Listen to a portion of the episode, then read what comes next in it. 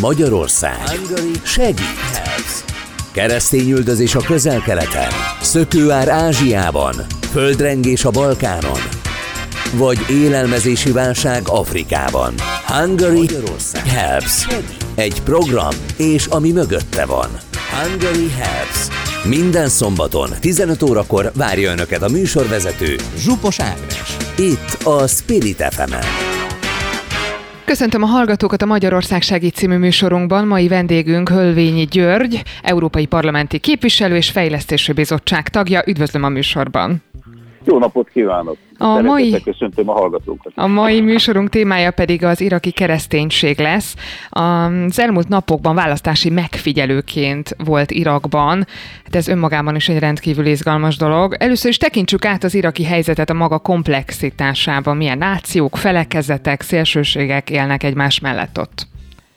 Igen, erre nagyon rövid ö, választ lehet adni. Irak ö, egy sok nemzetiségű ország, sok törzsel, nagy családokkal rendelkezik, és ugye a 20-as években az angol gyarmatosítók tették össze tulajdonképpen ezt az országot a jelenlegi határokkal. Ennek minden minden következményével együtt, és ma Irak a 2003-as amerikai invázió után, és majd később ugye az ISIS megszállja az országnak egy jelentős részét, és hát tulajdonképpen mondjuk így, hogy nagyon-nagyon felületesen, de mégis azért igaz módon ezt nyögi az ország. Tehát azt lehet látni, hogy hogy ugye a Hussein diktatúrát követően most volt az ötödik választás, tehát ez nagyon fontosnak és nagyon komolyan tartják, de hát egy olyan országról van szó, 40 milliós ország ugye Irak, ahol elvileg a mezőgazdasági lehetőségek, a ipari lehetőségek, már csak az olaj miatt is. Tehát ennek egy nagyon gazdag országnak kellene lennie, de hát ugye nagyon sok más ország esetében is itt is közbeszól sok minden. Na most, ugye a felvezetőjében mondta nagyon izgalmasan, hogy hát ugye, ugye a keresztények helyzete Irakban, ezt mindig hozzá kell szerintem tenni, és ezt én nagyon fontosnak tartom elmondani, hogy ezt nem tartom vallási kérdésnek, hanem ezt Európában egy kulturális kérdésnek kellene fölfogni, de sajnos nagyon gyakran nem az, mert az európaiak maguk, hogy mondjam, közönösek a keleti keresztényekkel, a kisebbségbe élő keresztényekkel kapcsolatban, ami azért nagy baj, mert magában ott a többség, most legyen ez az iszlámnak a síta, szunita ága, mindenki úgy néz a keresztényekre, hogy igen, hát ti Európával vagytok egy speciális kapcsolatban, kulturálisan mindenképpen oda tartozik. Na most annál megalázó kevesebb lehet egy ottani keresztény számára, mint hogy, hogy azt érti, hogy ezt a segítségért vagy partnerségért kinyújtott kezét Európa elutasítja. Na most ezért izgalmas európai parlamenti képviselőnek lenni, és hát az én életem az úgy adódott, most nyilván nem a, se önt se pedig a hallgatókat azok az életemmel untatni, de hát 2014-ben, amikor a parlamenti képviselő lettem, akkor szállta meg az ISIS, vagy a Daesh a ninivei síkságot, és utána aztán persze az ország más területeit is, vagy párhuzamosan az ország más területeit is. És hát ennek ugye az lett a következménye, hogy 2003-ban még másfél millió keresztény volt, ami hát ugye, hogy mondjam, tényleg egy akkor kisebbség, és először 500 ezeren voltak, és ma az a helyzet, hogy 300 ezeren vannak. És ez azért döbbenetes, mert ez a keresztény kisebbség, ez őslakos.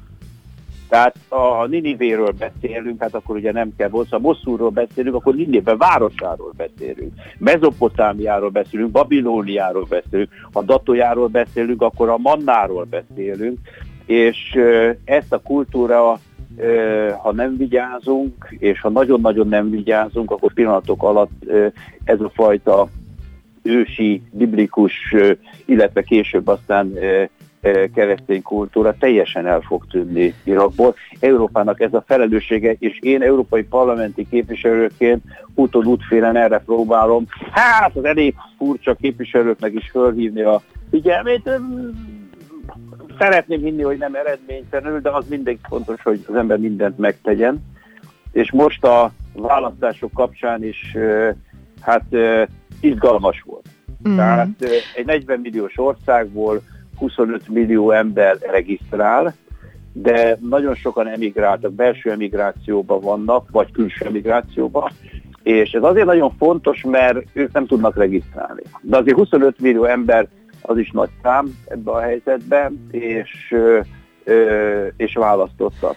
Mielőtt még a választásokra rátérünk, hadd kérdezzem meg, mi okozta az elvándorlást. Tudunk -e erre példákat mondani? Az elvándorlásra nagyon konkrét példákat lehet mondani. Még a nagy szíriai elvándorlás előtt 2015 nyarán, ugye, amit az európai menekült válság megkezdését vagy újabb hullámát jelentette, a, elsősorban a, a kált kisebbséghez tartozók, ugye, akik a, tényleg tehát ugye Moszul környékén, illetve ugye Algos és azon a vidéken, tehát a Ninive síkság egy, egy részén éltek, azok ugye el, elvándoroltak. Először ugye 200 ezer ember vándorolt el ö, ö, napok alatt, tényleg, de egy pár nap alatt minden maguk mögött hagyva a Erbilbe, a Kurdisztán, főváros, Kurdisztán fővárosába Erbilbe, és én magam jártam ott először 2015 februárjában, és akkor ott, ott is azért tél van, tehát hideg van. Hideg van. És 200 ezer ember táborokba, sátrakba, félig megépített. Azt gondolja el, hogy mondjuk Budapesten nézzük mondjuk a Western bevásárló központ, aminek csak a váza van meg, és deszkákat tesznek oda, hogy ne zuhanjanak le az emberek a második, és amikor ott lakott 8000 ember. Tehát csak ilyen, tehát ez, ezeket az állapotokat. És hozzá kell tenni, hogy ezek az emberek, ezek, eh, ezek jó módban éltek. Tehát ezek gazdálkodó emberek voltak, iparos emberek voltak, nagyon sok értelmiségi orvos, tanár, eh, jogász, de, és földön futókká váltak órák alatt az ISIS, az ISIS támadása során. Na most ők Erbil és környékére menekültek részben. Aztán persze föl Kurdistán északi részére, Dokuk és környékére. Nem voltak ezzel magukba különben, mert, mert a mert más, tehát akik nem voltak hajlandó kollaborálni, és ez sok százezer muszlimot is jelent, tehát azok is elmenekültek, de mondjuk úgy, hogy azok nem közvetlenül, vagy nem annyira közvetlenül, az, mondjuk így nem annyira közvetlenül az életükért menekültek. Na most ezek, ezekből a menekültekből, akik először ugye mondjuk úgy, hogy az országon belül belső menekültek voltak, hát nagyon sokan utána elvándoroltak külföldre. Tehát szétszóratott tulajdonképpen a, a káld vagy a passzír ortodox keresztényeknek egy jó része. Konkrét példát tudok mondani, nagyon kedves káld barátom, aki első között saját templomkertjébe egy több százas táb, több százas tábort állított föl Douglas atya, aki iskolát szervezett, és egy idő után föladta, mert, mert elmentek az emberek, és elment velük hova? Új-Zélandba. Na most el lehet képzelni egy ilyen kárt közösséget Új-Zélandban, nagy, elég nagy közösség van ott, hát hogy fog az visszatérni? Sehogy. Tehát ez a, ez a helyzet. Nagyon sokan vannak Libanonban, tehát Libanonban, illetve e, tulajdonképpen Irak más részein is, de amit ez a magyar nagyon tragikus kifejezés, nagyon szép, ez a szétszórattatás állapotában vannak. Tud segíteni És Magyarország valahogyan az iraki keresztényeknek, hogy visszatérjenek? A 2015-ös látogatások elindítottak, elindíthattak valamit, és én megmondom őszintén, büszke vagyok, hogy ennek részese lehettem.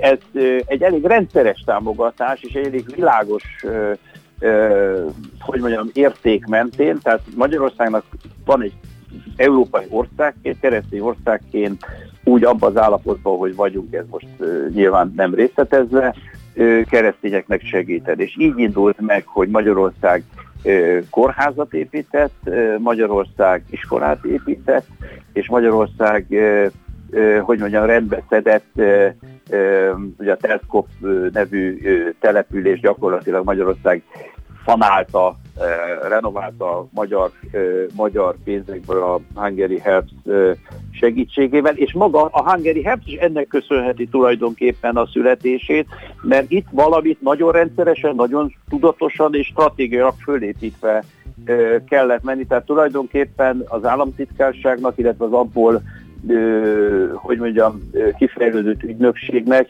ez volt a ez volt a, hát mondjuk itt csúnya kifejezés, de nem félreértető próbaterepe. Mert itt tényleg olyan nyomorúságos és azonnal segíteni kellett, hogy ez egy nagy történet, ez mindenki, aki ebben részt vett, én magam is ennek nagyon örültem, és, és ugye két év múlva mi ezért mentünk el Bőte Csaba Ferences szerzetessel és Sajgó Szabolcs jezsuita szerzetessel, aki akik, hogy mondjam, tehát a saját köreikben és hát a saját módukon is, és készült is ebből egy film, ugye Siklósi Beatrice és Marosi Géza segítségével, és és ennek az üzenet, ez az üzenet terjedt, és tulajdonképpen a közel-keleti segítség más országokban, Libanonban, aztán utána közvetett módon, mert közvetlenül nagyon nehéz ugye Szíriában, és utána aztán átment Afrikába is, más országokba, ahol nem is magába keresztény üldözés, hanem a keresztényeknek a, hogy mondjam, tehát a, a, a szükséget szenvedő keresztényeknek a segítése állt a, egy-egy, egy-egy dologba a központban. Csak most elég megemlíteni a múlt héten. Tehát múlt héten ugye az tisztel államtitkár úr, Kongóban egy komplett személyzeti klinikát adott át Harmi Rihárd ottani kongói testvérnek, és ez egy hosszú, ez egyik legnagyobb projekt, ami, ami sikerrel meg, megépült, és, és működik, és teoretikusan több százezer embernek a nagyon komoly személyzeti vakság vagy nem vakság kérdését fölvető problémáit oldja, oldja meg. Ott nem lehet mennek, hogy a keresztény üldözésről beszélni, hanem óriási szükségről, szegénységről viszont mindig. Tehát ez így fejlődött ki, végül is, hát mondhatjuk így, hogy hogy ön célzott rá Irakból kiindulva hát egyre inkább mondjuk úgy büszkén egy picit még persze túlzás, de tulajdonképpen az egész világon. Uh-huh. Térjünk vissza egy picit a választásokra is. Milyen tétje van, volt ennek a választásnak, és mit várnak tőle az irakiak? Tehát ez, ez, ez nagyon kemény geopolitika, nagyon kemény belpolitika. A geopolitikát az inkább ugye itt a régióra értendő. Tehát ha tényleg nagyon röviden és nagyon tömören beszélünk erről, a a síta és a szunita erőknek tulajdonképpen a egymással való ez nem háborúskodás, ez egy politikai, politikai harc bárhol, bárhol az országban. Itt ugye ez egy számunkra kicsit furcsa vagy idegen, de nincsen oka. Tehát, tehát itt a, ugye a, a síta többség Ö, annak ellenére, hogy hát ugye egyszerű lenne, hát a síták többen vannak, többet, többet, dolgo, ö, többet ö, nagyobb az erők, mindig ők lesznek az ország vezetői, hát ez nem ilyen egyszerű. Tehát azért nem egyszerű, először is a síta többség is nagyon megosztott. Tehát nagyon megosztott különböző pártokban vannak, vannak síta blokkok, és a szunita, az ugyanígy jelentkezik, ami a lakosság számának a kisebbségét, bár ez, ez egy nagyon jelentős kisebbség, tehát és ezeknek a blokkoknak a, a hogy mondjam, a megerősödése, meggyengülése mindig a választás tétje. A keresztény kisebbségre majd az utána kitérek, ha van rá lehetőség. És a, a tétje az tulajdonképpen az, hogy ö, ö, milyen irányzatot vesz a következő évben a iraki politika. Egy Iránhoz közelebb állósít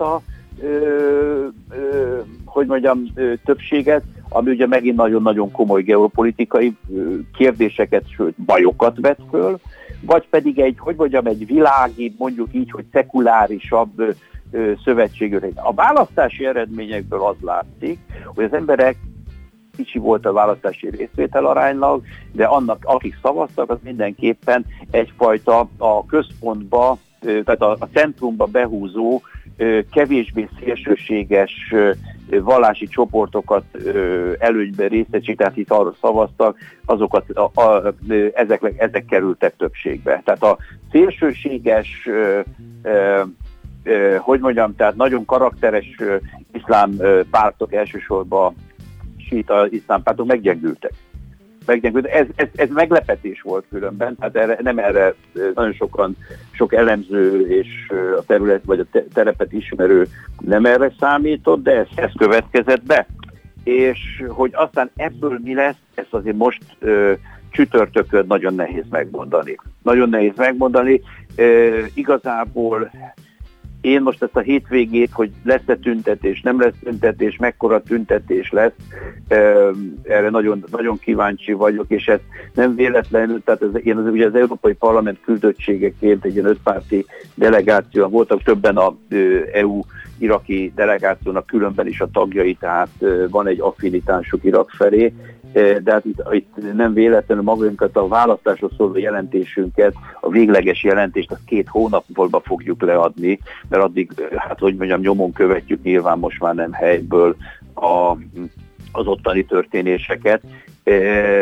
Ugye egy 329-es fős parlamentről van szó, és a 2019-es tüntetések alapján egy új választógi törvény jött része, amiben nagyon izgalmas dolgok vannak. Tehát azért el kell mondani, hogy például az a iraki parlament 25%-ának nőnek kell lenni. Tehát ott van egy női kóta, amiben ezt előírják, hogy 25%-nak nőnek kell lenni. Ez hogy választódik, mint választódik, most ez egy másik kérdés, de azért mindenképpen tény. A másik ilyen különlegesség, a, vagy változás mondjuk úgy azért nem, hogy nagy óriási választókörzetek voltak előtte. Most ezt lecsökkentették, és tulajdonképpen ezáltal az emberekhez annak a lehetőségét, hogy valóban a saját környezetükből választanak, választanak embereket, ezt lehetővé tette hatalmas választási lista van. Én Babilóniában, Ila városában voltam, választási megkért, sok helyre kellett körbe menni, aztán persze később a délután már Bagdadban is, de lényeg az, hogy ilyen száz, száz, százfős lista van. Tehát mm. abból kell kiválasztani. Mi lenne a... a legélesebb különbség egyébként, amit felhozna esetleg a magyarországi ö, választások és az iraki között? Hú, ez nagyon nehéz kérdés. Ez nagyon nehéz kérdés. Sok, sok a hasonlóság, különben tényleg sok a hasonlóság.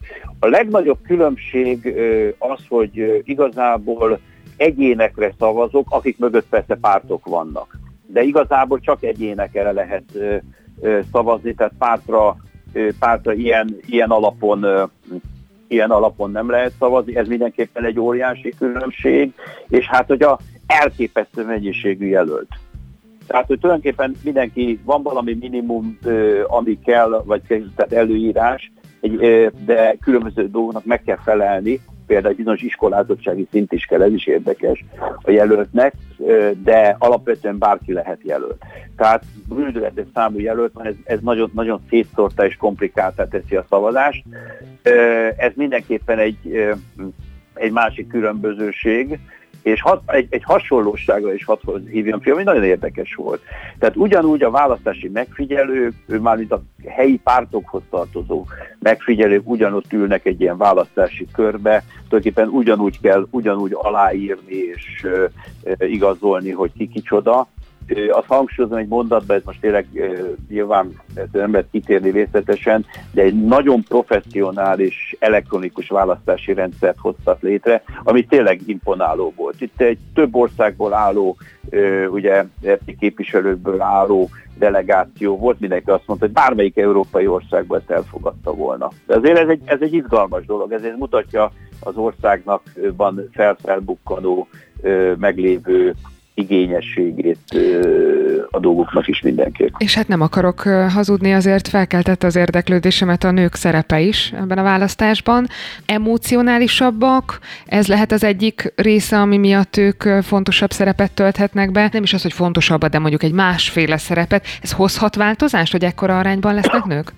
Hát én most ugye egy politikus férfi erről beszél, akkor olyan a furcsa hangzik. Én ezt komolyan úgy gondolom, hogy ez, ez egy nagyon fontos dolog. Fontos dolog Európában is, fontos dolog ott is. E, és azt, hogy ezt fölismerték, és látják ennek a következő. Igen. Tehát itt azért a, a konfliktusok megoldásában igenis a, a nőknek, a nőknek egy nagyon komoly szerepe volt, és van is. Tehát azért, tehát a, hiába egy alapvetően egy nagyon-nagyon a dominanciára, a család erejére, a családfő erejére nagyon-nagyon erősen erre épülő tulajdonképpen törzsi jellegű társadalomról van szó, vagy törzsi jelleggel is rendelkező társadalomról van szó. A nők, nők szerepe, és itt már a politikában is, ez abszolút fontos. Ez, ez, ez, ez, hát ezért csinálták tulajdonképpen a, a törvényt, és amit azért hozzá kell tenni, hogy a fiatalok, az első szavazó fiatalok nagyon kevesen vették föl a, a választást, de regisztráltak a választásra, egy ilyen biometrikus, nagyon modern kártyát kellett fölvenni, nagyon kevesen vették föl. Tehát van egyfajta apátia, és ennek egyik ellenszere lehet, vagy kellene, hogy legyen, remélem, hogy lesz is, a, hogy mondjam, tehát a nagyszámú női, női képviselő szerepeltetése is. Azt csak remélni szeretném, nem tudom. Tehát ez nem, nem kritika, vagy nem dicséret, nem tudom. Tehát, hogy a kormányzati munkában hogy fognak részt venni. Tehát az, az egy izgalmas kérdés lesz, mert itt ugye ilyen nagyon izgalmas, átfogó koalíciók vannak, tehát tulajdonképpen majdnem minden politikai erő az valamilyen kormányzati feladatot kap. Ez egy sajátos iraki rendszer, tőlünk ez nyilván egy picit távol áll, ott hogyan fog a nők szerep, szerep alakulni, azt szerintem fontos, és, és ha már egy társadalmi értékenységről van szó, akkor a fiatalok szerepe is. Hát én nagyon sok fiatallal találkoztam, tényleg nagyon megszervezett felkészítés kaptunk, és hát itt a fiatalokkal, fiatalokkal teljesen függetlenül attól, hogy valaki szekuláris, melyik vallási csoporthoz tartozik, nagy kiábrándultság van. Tehát van a politikai elit, akik a ilyen-olyan-olyan, és vannak a fiatalok, ami, aki hát valahogy szeretnék már ezt máshogy gondolni, Hussein eltávozása után most már tényleg 20 évvel, meg az egész helyzet nyugalom, vagy valamennyire nyugalomba került már ugye pár éve, tehát ők, ők, ők már máshogy gondolkodnak. Tehát ami számukra, az idősebbek számára, vagy számunkra kívülállóknak is, akik ezt átélték, az, az még majdnem a jelen, azoknak már, már, már rég a történelem. Hát ugye ezt, ezt a problémát máshol is látjuk, ugye nem csak igazban. Így van. A képviselő úr a Facebook bejegyzésében azt írta, hogy a kormány alakításért induló harc csak most kezdődik, úgyhogy ön tízézán bízunk benne, hogy ez is békésen fog lezajlani. Köszönöm, hogy itt volt velünk. Hát én nagyon szépen köszönöm a lehetőséget. Köszönöm.